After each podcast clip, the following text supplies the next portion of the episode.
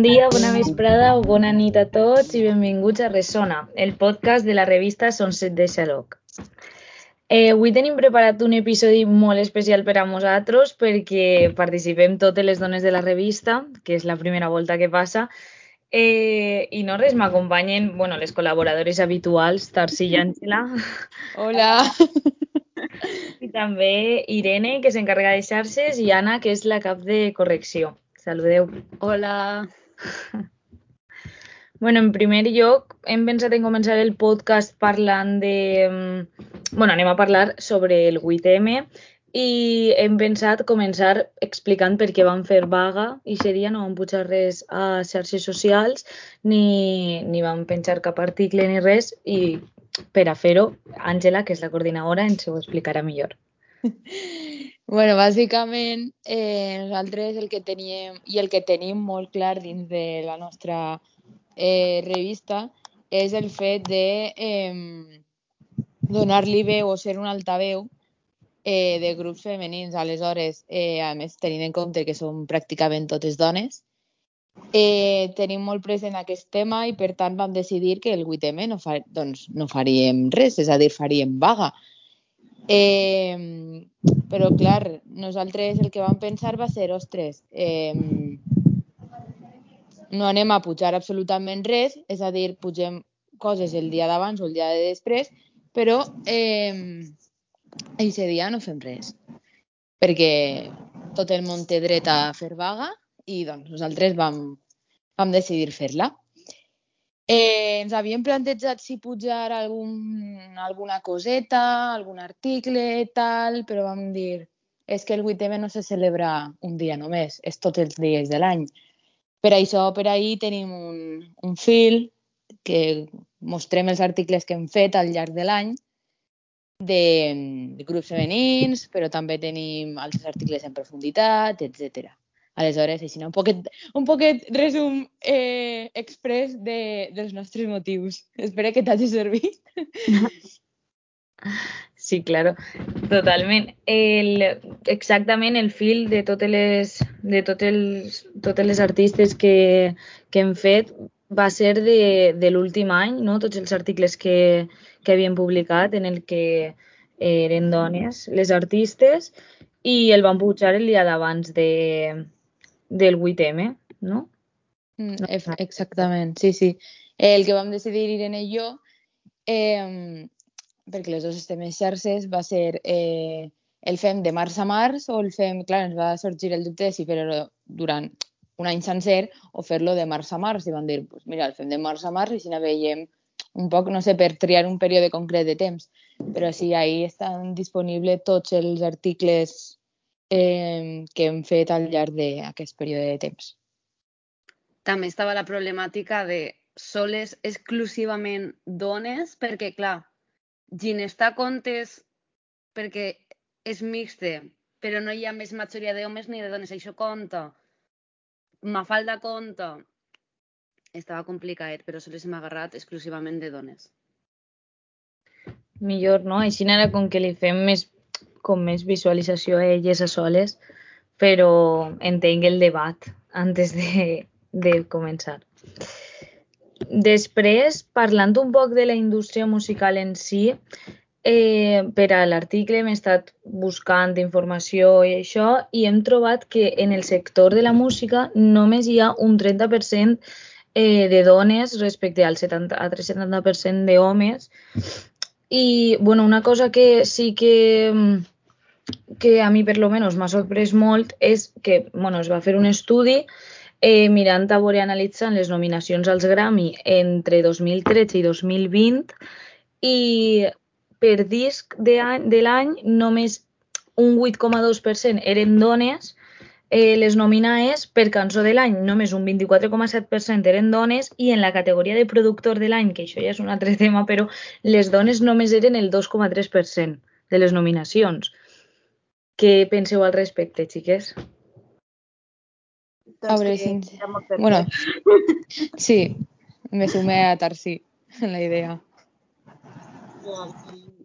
És que són xifres que a mi em fa gràcia que cert sector de la població eh, acusa al feminisme de, de que ja no hi ha res per lluitar o que ja hem aconseguit molta igualtat en detriment o en comparació amb altres països, per exemple, però després te poses a veure les xifres joder, i és molt heavy, vull dir, encara, encara queda moltíssim per fer. I després està el tema també de la discriminació positiva, al cap i a la fi. Moltes persones, o mm, no és la primera vegada que, que es critica eh, la utilització de la discriminació positiva. Claro, és que és molt fort que et veges obligada a argumentar en el sentit tu ja tens un privilegi, la discriminació positiva és simplement per aconseguir igualar a aquesta persona i que ja partisca en el mateix, diguem-ne, eh, punt que tu, saps? Aleshores, no sé, és, és dur, són xifres dures al cap la fi, perquè portem això, ens queda molt, molt per fer i sembla que la societat opine o part de la societat opina que, que, ja no, que ja hem aconseguit la igualtat quan no és de veres. A mi d'aquestes dades, sobretot me sorprèn el fet de que estem parlant d'una indústria de música que és una indústria creativa i de normal totes aquestes feines creatives, de originals i tot això s'han dut més a dones. Llavors ens sorprèn veure que quan estem parlant d'una indústria creativa eh, siga sent un nombre tan baix de dones quan generalment és això que s'ha relacionat sobretot per a les dones. I encara, clar, i sobretot es veu quan passem als productors, que solen ser la part menys creativa de la indústria, on ja baixa un munt el número. I si això està passant en una indústria com esta, que a més visualment tu quan veus penses en cantants, penses en músics, sempre es te ven al cap dones, sorprèn veure que després quan vinguin a l'hora de fer premis, de fer coses, siga un nombre tan baix. I ja, òbviament, doncs, clar, quan se'n va un poquet ja la creativitat, que normalment es relaciona a les dones, quan és la producció, allà és com el, el nombre baixa, estrepitosament. És, és el que més m'ha sorprès.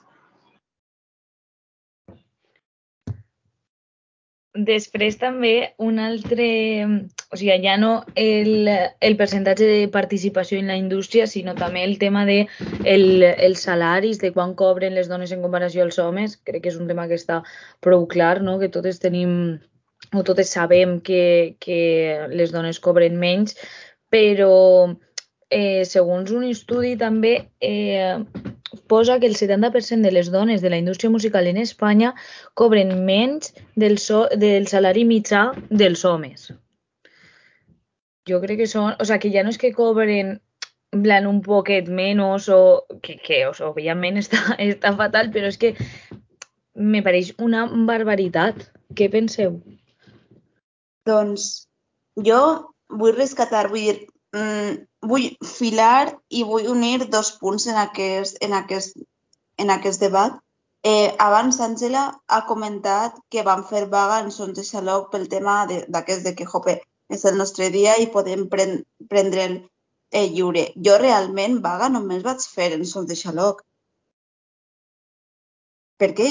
Pues perquè realment tinc altres feines i jo, malgrat que estic en una situació privilegiada, perquè en, en realitat podria fer vaga, no, no crec que em diguin res, però, clar, tinc moltes feines i mm, el periodisme, per exemple, és, un, és, una, task, bueno, és una feina, una professió molt precària i ens tenim que dedicar a combinar sous per aconseguir un sou digne eh, al final del mes i és, és un drama perquè és que eh, i volia relacionar-ho també en un post que Irene, crec que va ser tu Irene, eh, vaig veure per Instagram eh, que era rotllo eh, és 8M, lluita si pots i descansa que també te'n mereixes. En plan, de que... Ah, era lluita si pots, descansa si ho necessites.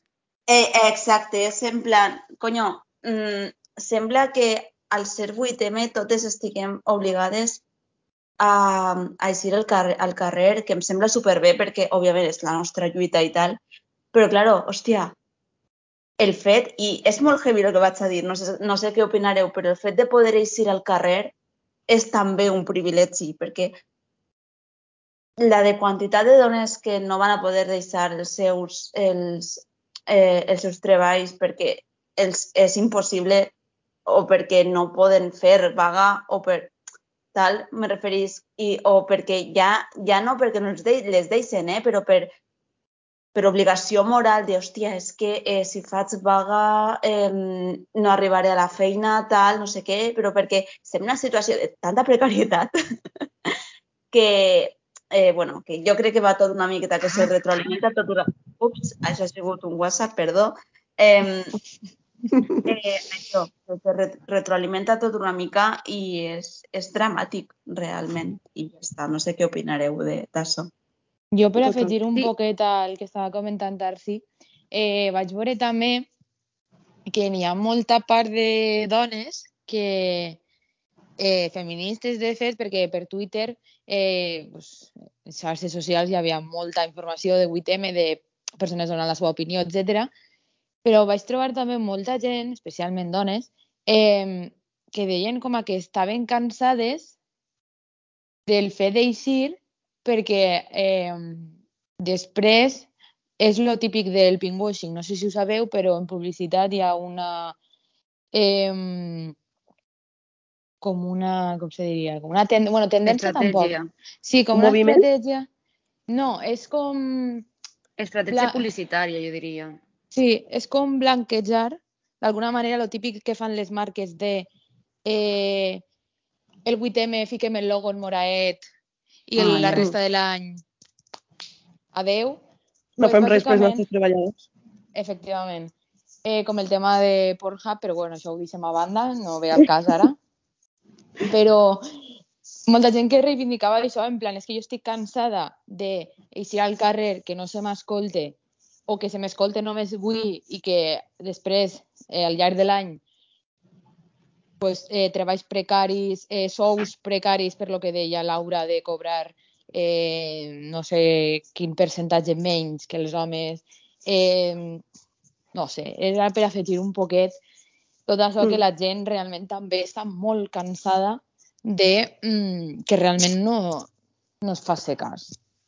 Jo en este cas trobo que com a revista i com a grup de dones simple- simplement hem fet molt bé deixant el 8 de març sense fer res. Tampoc, ta- tampoc sense fer sense dir, oh, mireu, no estem fent res, saps? Perquè al final és, nosaltres treballem tots els dies, som un grup de dones, som una majoritària part, la major part som dones, i treballem com a dones, vivim la societat com a dones. Per tant, dia a dia, totes les coses que fem, tota la feina que fem, cada article que pugem, cada dia que treballem en esta revista o en qualsevol altre lloc, estem fent la nostra feina, estem defendent la dona, estem defendent, estem mostrant eh, dones, músics i estem donant veu a dones i és una cosa que fem tots els dies, que al final ja el 8M cansa, moltes vegades cansa perquè dius, és que clar, és un dia. I no, jo crec que nosaltres estem fent bé com a, com a revista, com a mitjà, de, de, demostrant que no és un dia, que és sempre. I jo crec que cada vegada que escrivim un article, sobretot dirigit cap a un grup de dones, o cada vegada que fem una cosa, estem donant publicitat, estem animant a que les dones seguisquen fent coses així, estem animant a que la situació musical en la, en la indústria de la música millore. Tot això, crec que en, en aquest sentit, inconscientment vam estar fent molt més que el que realment estàvem fent el dia del 8M, sabeu? Sí, Ostres. és que tampoc sé com, com ho sentireu, però per mi el 8M és cansat per això, perquè és molt lluita, és al carrer, fes coses, activisme, no sé què, i realment jo trobo que ja a la revista ja estem fent coses, encara que no sigui un article sobre dones, el fet de com parles, quines paraules tries, com expresses les coses, com or- distribuïm el treball, jo crec que això I el també fet, és... el fet de ficar el nostre nom, o sigui, simplement quan publiques un article fica que eres una dona, això ja és important. Clar, o sigui, no és sols eixir al carrer, perquè també eixir al carrer també cansa i és això, de vegades necessites descansar, igual no tens energies, ni ganes, ni força mental per eixir al carrer o simplement no pots, el que dia Tarsi, de que igual no sols per feina, igual tens que cuidar els teus xiquets si eres mare soltera i no pots deixar-los en ningú, o si es deixes en ningú que es deixes en altra dona i que aquesta dona no puga... Clar, Sí. és un tema. És que, no, no, sí, és que és, ho torno a repetir, poder sortir als carrers és un puto privilegi. Però és que sense, sense dubte, eh? Vull dir, t'assegure... Ma mare, jo quan anava a la universitat anava tots els vuit temes. Ma mare t'assegure jo que no ha anat a cap. A cap. I, i és No, el no, ma mare doble- tampoc. Sí. Claro. Y es el doble de feminista que no, no que yo, pero es en plan, joder, que ella sí que, ella sí que sent el pes de, més que jo considero perquè al final pues, ella pues, mm, fa moltes, moltes tasques de la llar i per molt que jo intente eh, ajudar en casa i tal, eh, òbviament pues, inconscientment, tio, és super heavy, però se'n va tot a tota aquesta càrrega se, se l'agafa ella i després a mi me mata quan jo faig, jo faig coses i me les desfà perquè no li... Bueno, això ja són coses d'ella. Que me les desfà perquè no li agrada com queden. És en plan, esto es ja el sum de la perfecció. Però bueno, X. Eh, però, no sé, és, això ja és eh, filla, eh, filla indignada. I no sé, això em sembla... I per cert, Anna, m'ha emocionat molt el teu discurs, ha sigut molt bonic. és que és, és això, vull dir-te, al final és una cosa, el 8M és un dia que al final, en el seu moment, en el moment que es va crear, és molt important. Estaven reivindicant unes coses molt importants que un dia era ja donar moltíssim, moltíssima veu. Però avui dia que estem, és una cosa que lluitem tots els dies. És que no ho hem de dur tot el 8M, és que és una cosa que hem de fer tots els dies. I a més hem de fer tots els dies però normalitzant-ho, que no siga un estic així lluitant per, uh, perquè sóc dona, perquè estic defendent la dona, no, simplement estic fent la meva feina. I com a dona que fa la meva feina reivindique X coses, però perquè és el dia a dia. Això és que em dona molta malícia. Jo també estic així, hashtag indignada, saps? Però... Jo diria, això ha començat sent un, un episodi del 8M i estem llançant prou de cringe i de bilis, eh? No, joder, no, perquè és tots els dies, tots els dies és 8M, punto. Ah, sí, sí. sí, al final sí, o sea, ja, i ja són les de lluita, en plan, lluita tal qual, lo que és activisme i tal, per mi no se redueix a un dia perquè també se pot entrar en fins quin punt te representa el 8M com és ara, perquè a mi, sincerament, entre ser no res, però a banda d'això... Menos uno. Eh, és que, a veure, te, eh, temes batucades i tot això, bueno, és un tema que a mi, pues, sincerament, me fa gossera i me fa grima també. Però, Chica, però és música, és... no digues això en este podcast. No, o sigui, ho dic perquè, o sigui, me fa grima perquè no vas a això i se dia, o sigui, ese dia vas a reivindicar, a xillar i a cremar contenidors si cals, vull dir, jo estic molt cansada ja, saps? En plan... és que el que dic jo, al final vas més dia a dia que anant a la mani. Estàs reivindicant més en la teua feina dia a dia que el dia que vas Exacte. a la mani a pegar quatre crits. Sí, o sigui, per mi activisme és, jo que sé, les mares de la, de la plaça de Marzo, saps, d'allà d'Argentina, això tots els dies eh, o totes les setmanes se reunien. Per mi això fa mogolló més i és prou més activisme, tal qual activisme TM, que un dia soles que vagis o no vagis. Vull dir... I també aquesta pressió que tens de has d'anar al 8M, com pots ser dona i ser feminista i no anar al 8M, que és el que estava dient Tarsi al final. És que, xica, no... i si no puc, estic treballant tots els putos dies per això, o és que avui no puc, perquè potser tinc que fer la feina que tu no estàs fent. Llavors, com jo tinc que estar en casa cuidant els fills o fent aquesta feina, avui no sóc activista, però això no vol dir que tota la resta de la estiga no sent. Clar. Com que estàs cansada, com fem, saps? Tal qual. Com fem a Sons de Xalot totes les setmanes, tots els mesos i tots els dies de l'any. Sí. És una que feina bonic. 24 hores. Sí. Bueno, xiques... Però perquè és necessari yo creo que se nos está allargant prou el podcast que, que s'ha quedat Joder, macho. Conversa molt, no sé, a mi personalment m'ha agradat molt, crec que hem dit tot el que pensàvem i, i al final, pues, en plan, hem reivindicat el que de veritat hem volgut i ho hem explicat bé, tot perfecte. I um, jo crec que el podcast es queda així, Puc afegir una punt? Claro. Vale, és que jo vull, eh, per qui ens escolte, vull especificar que vos asseguré que no teníem ni punyetera idea de quina anava a ser la conclusió, ¿vale? Tarsi, però això no se diu. No, no, sí, però és de veres, però és que m'ha encantat que hem arribat a una conclusió superxula, per això vull evidenciar que no teníem cap mena de conclusió, perquè realment nosaltres ens, fem, ens posem rotllo pues, un guionet en plan de temes que volem parlar, però és prou improvisat, això, i m'encanta perquè les conclusions que arribem a mi, de veres, soc superfan. I ja està, ja pots tancar el, el podcast, Més uno. crec que totes estem d'acord i que s'ha quedat super bé i res, ens veiem en dues setmanes. Adéu. centrifugues desemparats, jo sóc terrorista o de l'imperi del mal i tal, així, així. Ara, així.